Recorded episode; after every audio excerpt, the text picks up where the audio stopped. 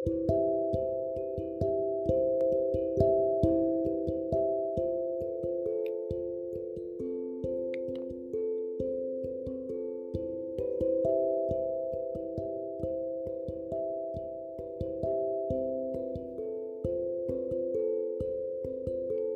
życiu człowieka roztropność ma wielkie znaczenie.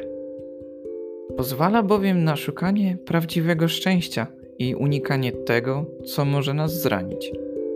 Z roztropnością wiąże się umiejętność zaplanowania każdego dnia, abyśmy mogli dobrze spełniać zadania, które stawia przed nami codzienność.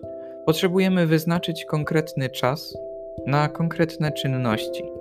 Potrzeba nam pewnej hierarchii, która wskazuje, co jest ważniejsze, a co mniej istotne.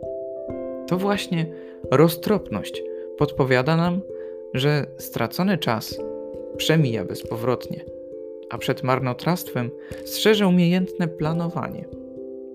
Cenną umiejętnością jest podporządkowanie otaczającej nas rzeczywistości dzięki roztropnemu dysponowaniu czasem. Ona jednak nie wystarcza do tego, aby osiągnąć szczęście.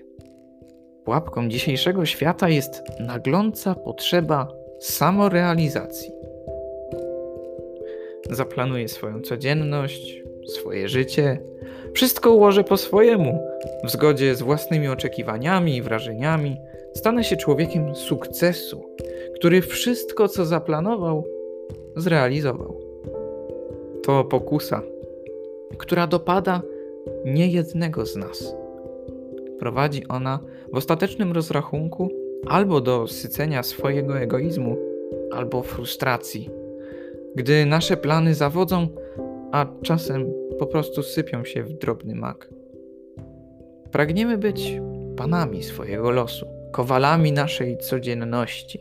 Ona jednak wymyka się nam, ponieważ nie jest stała i potrafi zaskakiwać. Serce człowieka zaś, aby odnalazło prawdziwe szczęście, poszukuje czegoś pewnego.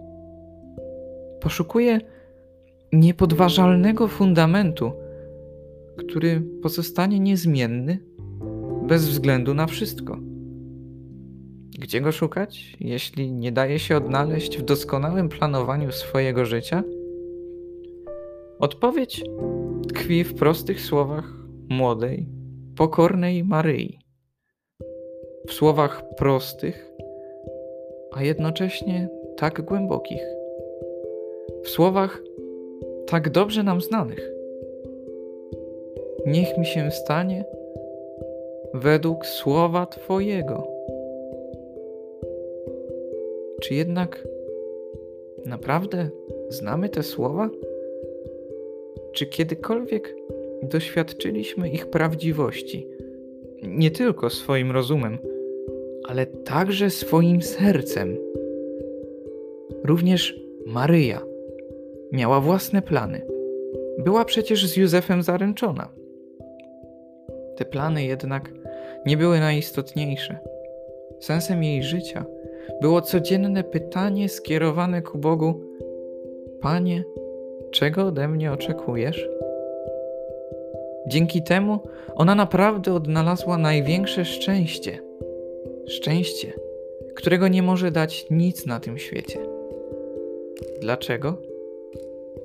Ponieważ nie szukała siebie, ale Boga.